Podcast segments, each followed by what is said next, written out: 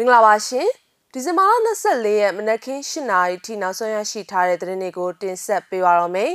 ကျမကတော့ဖူးရီနွယ်ပါမြောက်ရီမြို့တောင်ဘက်ရှိလေးကိတ်ကောဒေသကိုမြမစစ်တပ်ကတိုက်လေရင်နဲ့ဘုံကျဲတိုက်ခိုက်ခဲ့ပါတယ်ကီမျိုးသားစီယုံ KNU တပ်မဟာ6မှာနှစ်ရက်အတွင်းစစ်ကောင်စီတပ်9ဦးသေဆုံးပြီး7ဦးတန်ရရှိခဲ့တယ်လို့ KNU ကသတင်းထုတ်ပြန်ပါတယ်လေးကိတ်ကောတိုက်ပွဲအတွင်းထွက်ပြေးလွတ်မြောက်လာတဲ့ ဆိုင်းဆီယမာစောဟန်တွေဦးနဲ့အင်တာဗျူးမေးမြန်းချက်အပါအဝင်အရာတော်မြို့နယ်ညနေခင်းတပိတ်စစ်ကြောင်းကိုဒီဇင်ဘာလ23ရက်ညနေပိုင်းကပြုလုပ်ခဲ့တဲ့သတင်းတွေကိုတင်ဆက်ပေးဖို့ရှိပါတယ်။မြောက်ရီမြို့တောင်ဘက်ရှိလေးကိတ်ကောဒေသကိုမနေ့ကဒီဇင်ဘာလ23ရက်ညပိုင်းမှာအာဏာသိမ်းစစ်တပ်ကတိုက်လေရင်နဲ့လာရောက်ပုံကျဲတိုက်ခိုက်ခဲ့တယ်လို့ဒေသရင်းသတင်းမီဒီယာတွေမှာဖော်ပြပါတယ်။မနေ့ကည7:15မိနစ်အချိန်မှာစစ်တပ်ကတိုက်လေရင်နဲ့လာရောက်ပုံကျဲတိုက်ခိုက်ခဲ့တာဖြစ်ပြီး စစ်တပ်ရဲ့လေကြောင်းတိုက်ခိုက်မှုကြောင့်ဒေသခံတွေဘေးလွတ်ရာထိုင်းဘက်ချမ်းကိုတင်းရှောင်ခဲ့ကြရတယ်လို့ကရင်အမျိုးသားမီဒီယာကသတင်းဖော်ပြပါရယ် MRTV မှာသတင်းတင်ဆက်သူအဖြစ်ကနေ CDM လှုပ်ရှားမှုမှာအစောဆုံးပါဝင်ခဲ့ပြီးစစ်ကောင်စီကိုပြန်လည်ခုခံတော်လှန်စစ်ဆင်နွှဲဖို့လက်နက်ကင်ခဲ့သူဦးကျော်တက်လင်းကတော့အိတ်ကြပြီလားဗျာလေရင်နဲ့ဘုံလာကျဲတာကိုအိမ်မက်မက်ကြည့်ပါလားအဲ့ဒါအခုကျွန်တော်တို့ရဲ့လေးကိတ်ကော်မှာတကယ်ဖြစ်နေတဲ့အရာပါပဲလို့မင်းညပိုင်းကသူ့ရဲ့လူမှုကွန်ရက်မှာရေးသားထားပါတယ်။ လေရင်နဲ့ဘုံကျဲတဲ့ပောက်ကွဲတံတွေကိုထိုင်းဘက်ချဲမဲဆောက်နဲ့မဲကုကျေးရွာတွေဘက်ကအတိုင်းသားကြားနေရတယ်လို့လည်းဆိုပါတယ်။မဲကုကျေးရွာမှာနေထိုင်သူမက်ရီကလန်နိုးသွားတာပဲအတိုင်းသားကြားနေရပါတယ်။အလုံး20လောက်ရှိမယ်လို့မင်းညပိုင်းကပြောပါတယ်။လေးကိတ်ကော်ဒေသနဲ့မင်းနက်ပန်ရွာတွေမှာလေရင်နဲ့ဘုံကျဲခဲ့တယ်လို့မြမစစ်တပ်ရဲ့မြေပြင်တက်ကလည်းလက်နက်ကြီးတွေနဲ့ကူပစ်ပေးခဲ့တယ်လို့ကီအမျိုးသားလူမျိုးရေးတပ်မတော် KNL ကအရာရှိတအူးကပြောပါတယ်။ လေရင်ပုံးကျဲတာကည10:15မိနစ်လောက်မှာဖြစ်ပါတယ်။ကြာတဲ့အချိန်ကမိနစ်20လောက်ပဲရှိမယ်လို့အဲ့ဒီအရာရှိကကရင်မျိုးသားမီဒီယာကိုပြောခဲ့တာပါ။ဘုံကျဲတိုက်ခိုက်မှုကြောင့်ဒေသခံအချို့ဟာထိုင်းဘက်ချမ်းကိုတင်းရှောင်ခဲ့ကြပေမဲ့ထိုင်းဘက်ကခွင့်မပြုသေးတာကြောင့်မြန်မာဘက်ချမ်းနယ်စပ်မြေအနီးမှာတောင်တင်နေခဲ့ကြတယ်လို့ရွာသားတဦးကမင်းညကအခြေအနေကိုပြောပြပါဗျ။အဲ့ဒီနောက်မင်းညတကောင်ရဲ့မတိုင်ခင်အချိန်မှာထိုင်းဘက်ဝင်ရောက်ကြမဲ့မြန်မာစစ်ဘေးရှောင်တွေကို ထိုင်းနယ်ကြားဆောင်တပ်ဘက်ကဝင်ရောက်ခုလုံခွင့်ပေးခဲ့တယ်လို့သိရပါဗျ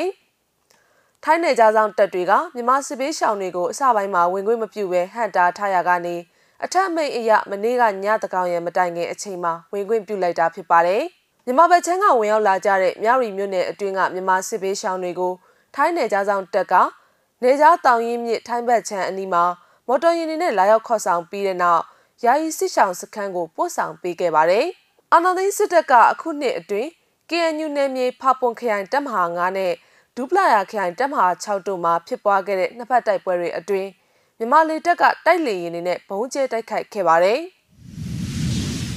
ကရင်မျိုးသားလူမျိုးရေးတပ်မတော် KNL တပ်မဟာ6နယ်မြေထဲမှာ KNL နဲ့စစ်ကောင်စီတပ်အကြားနှစ်ရက်အတွင်းဖြစ်ပွားတဲ့ထိတွေ့ပစ်ခတ်မှုတွေမှာစစ်ကောင်စီတပ်ဘက်က9ဦးသေဆုံးပြီး12ဦးဒဏ်ရာရရှိခဲ့တယ်လို့ KNU ကဒီဇင်ဘာလ23ရက်ကသတင်းထုတ်ပြန်ခဲ့ပါတယ်။ဒီဇင်ဘာလ21ရက်နေ့လယ်17နာရီခွဲဝန်းကျင်လောက်က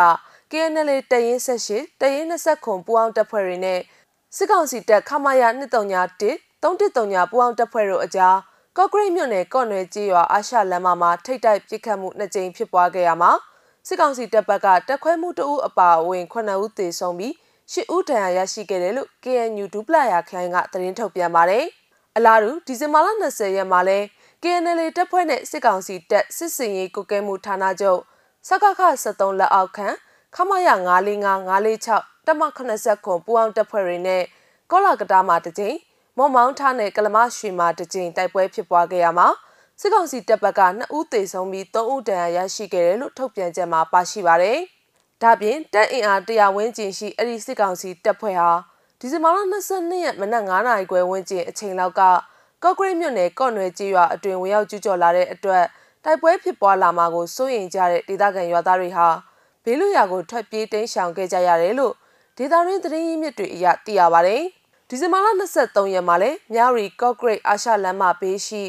တောနော်ရီတခွန်အနီးမှာ KNL တပ်ဖွဲ့နဲ့စစ်ကောင်စီတပ်အကြားထိတွေ့ပစ်ခတ်မှုဆက်လက်ဖြစ်ပွားခဲ့သေးပြီးနှစ်ဖက်ထိခိုက်ဒေဆုံးမှုအခြေအနေကိုတော့မသိရှိရသေးပါဘူး။ ပြီးခဲ့တဲ့ဒီဇင်ဘာလ15ရက်နေ့ကဖြစ်ပွားခဲ့တဲ့မြောက်ရီခရိုင်လေးကိတ်ကော်မြို့သစ်တိုက်ပွဲအတွင်းအသက်ဘေးကထွက်ပြေးလွတ်မြောက်ခဲ့တဲ့ LGBT စာရေးဆရာမစောဟန်တွေဦးရဲ့တိုက်ပွဲတွင်အတွေ့အကြုံတွေကိုမစ္စည်းမကမေးမြန်းတင်ဆက်ထားပါတယ်မေးမြန်းတင်ဆက်ထားတာကိုလည်းဆက်လက်ကြည့်ရှုလိုက်ရအောင်ပါဒါ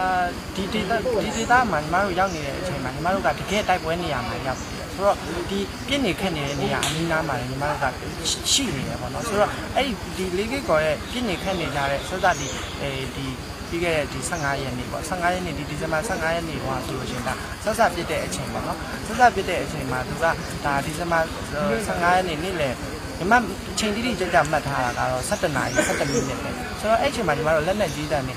တစ်ချက်ကြားပြီးရတယ်နောက်ထပ်ဇက်တိုက်ဇက်တိုက်ကြားတယ်ပြီးတော့ကုန်းပေါ့ဟိုဘက်ကုန်းဒီဘက်ကုန်းပြစ်ကြတယ်ဆိုတဲ့အချိန်မှာညီမတို့ကအဲ့နေရာရဲ့တက်တက်ကြီးမှာရှိနေတယ်ဆိုတော့ညီမတို့ဒါရှိုရဲတွေဆင်းပြေးကြတယ်ရှိုရဲတွေဆင်းပြေးကြပြီးတော့ဒါညီမတို့ဒါ ဝစ်ပြီးပုံးနေရတာပေါ့နော်ဒါအဲ့အဲ့လိုနဲ့ညီမတို့အဲ့ဒီနေ့တစ်နေ့ဒါဖြတ်တန်းတယ်တော်တော်ဒါအနားမှာပဲပေါ့အနားမှာပဲလက်နဲ့ကြီးတွေကြားတယ်လက်နဲ့ကြီးတော်တော်ကြီးကိုကြည်ကြည်လာလာကြားတယ်ဒါညီမပြောခဲ့သလိုပဲဒါအာ ဖြစ်လာတဲ့အရာကိုအကောင်းဆုံးရင်ဆိုင်ဖို့တော့အဲ့ချိန်မှာစိတ်တော့ရှိတာပေါ့နော်ဒါညီမတို့နဲ့အတူဆိတ်ရှောင်နေတဲ့လူတွေလည်းအဲ့ချိန်မှာဒါညီကောင်မမိုက်လည်းအများကြီးရှိတယ်ဆိုတော့ဒီကြောက်စိတ်ကတော့နည်းနည်းတက်တာလေဆိုတော့အဲ့နေ့နေ့လယ်မှာတော်တော်ကြီးကိုတို့ကြီးကြီးကျယ်ကျယ်ပြစ်သွားတယ်ပေါ့နော်တော်တော်ကြီးကိုဖြစ်သွားတယ်ဒါ15ရက်နေ့နေ့လယ်ပိုင်းပေါ့အဲ့မှာဖြစ်ချင်တော့ညီမတို့အဲဒါဟိုနည်းနည်းလေးငြိမ်သွားတဲ့အချိန်မှာညီမတို့ဒါမိုးလဲချုပ်လာပြီဆိုတော့ဒါဟိုပကက်တွေပေါ့တေချာဆင်ပြီးတော့နေစရာထိုင်စရာတေချာစီစဉ်ပြီးတော့လုပ်နေတဲ့အချိန်မှာလည်းလုပ်ပြီး ပြီးလို့တေချာနားမဲ့အချိန်မှာပဲနောက်ထပ်ပေါ့ဒီည6နာရီဘယ်ဝင်းကျင်လောက်မှာပေါ့6နိုင်ခွဲဝင်းကျင်လောက်မှာလက်နဲ့ကြီးကတောက်လျှောက်ကြတယ်အဲ့ဒါကတော့ဒီနှစ်ကင်းကနေကင်းပိုင်းလောက်ကဖြစ်သွားတဲ့လက်နဲ့တွေလက်နဲ့တန်တွေထက်လက်နဲ့ကြီးကြတယ်ထပ်ပြီးဆိုတဲ့ကိုအနီးနားမှာပဲတော်တော်ကြီးကိုနီးနီးကက်ကက်ဖြစ်သွားတယ်ပေါ့နော်ကိုအရှိဘယ်လောက်မှမကွာတဲ့ဟိုဘက်ကဒီဘက်ကအနည်းလေးဆိုတာပေါ့ ဟာမီတာ100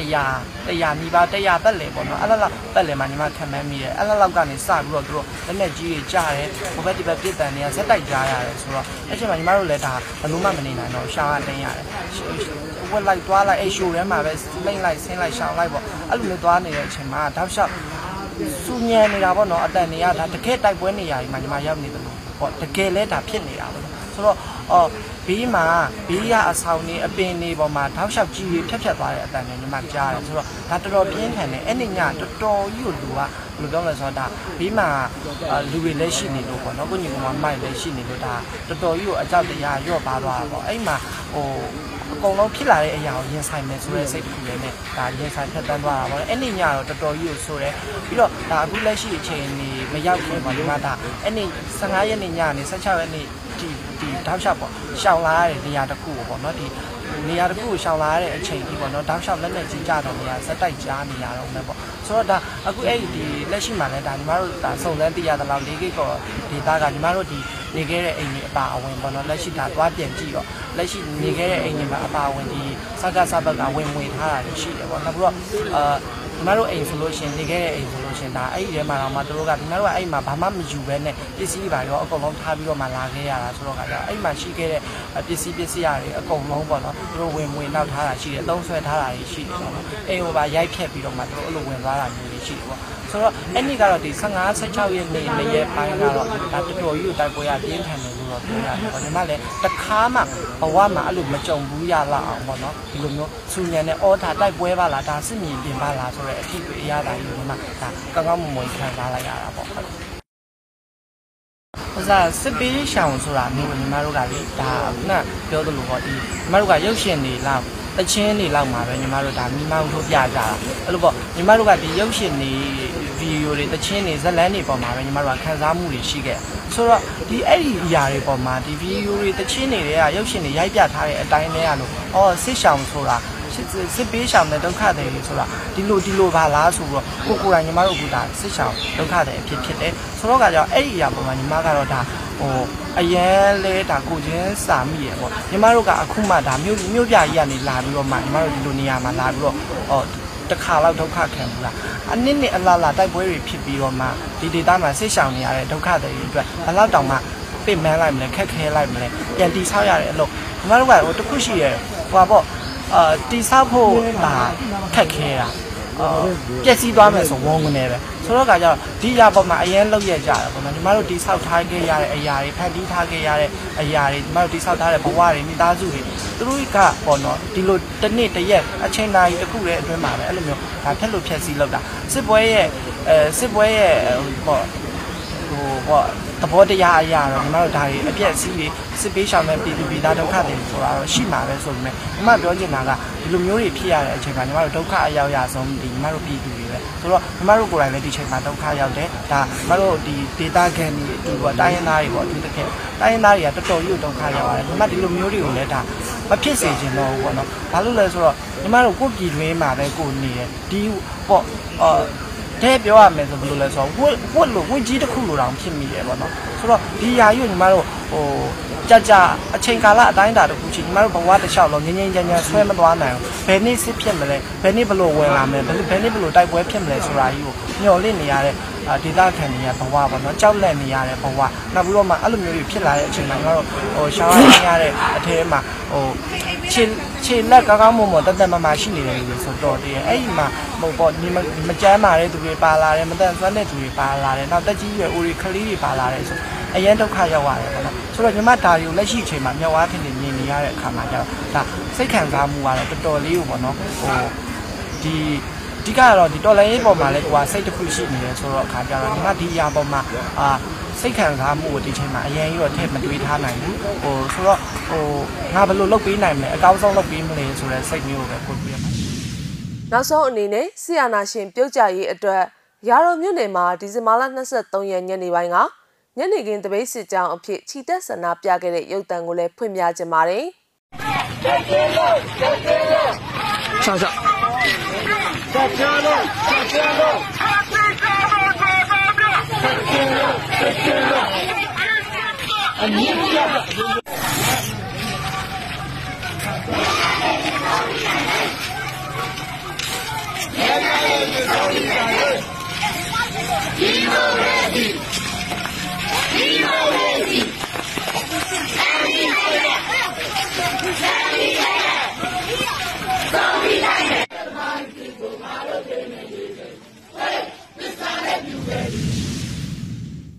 TV ရဲ့နောက်ဆုံးရသတင်းတွေကိုတင်ဆက်ပေးခဲ့တာပါ။စောင့်မျှော်ကြည့်ရှုခဲ့ကြတဲ့ပရိသတ်တွေအားလုံးကိုကျေးဇူးအထူးပဲတင်ရှိပါတယ်ရှင်။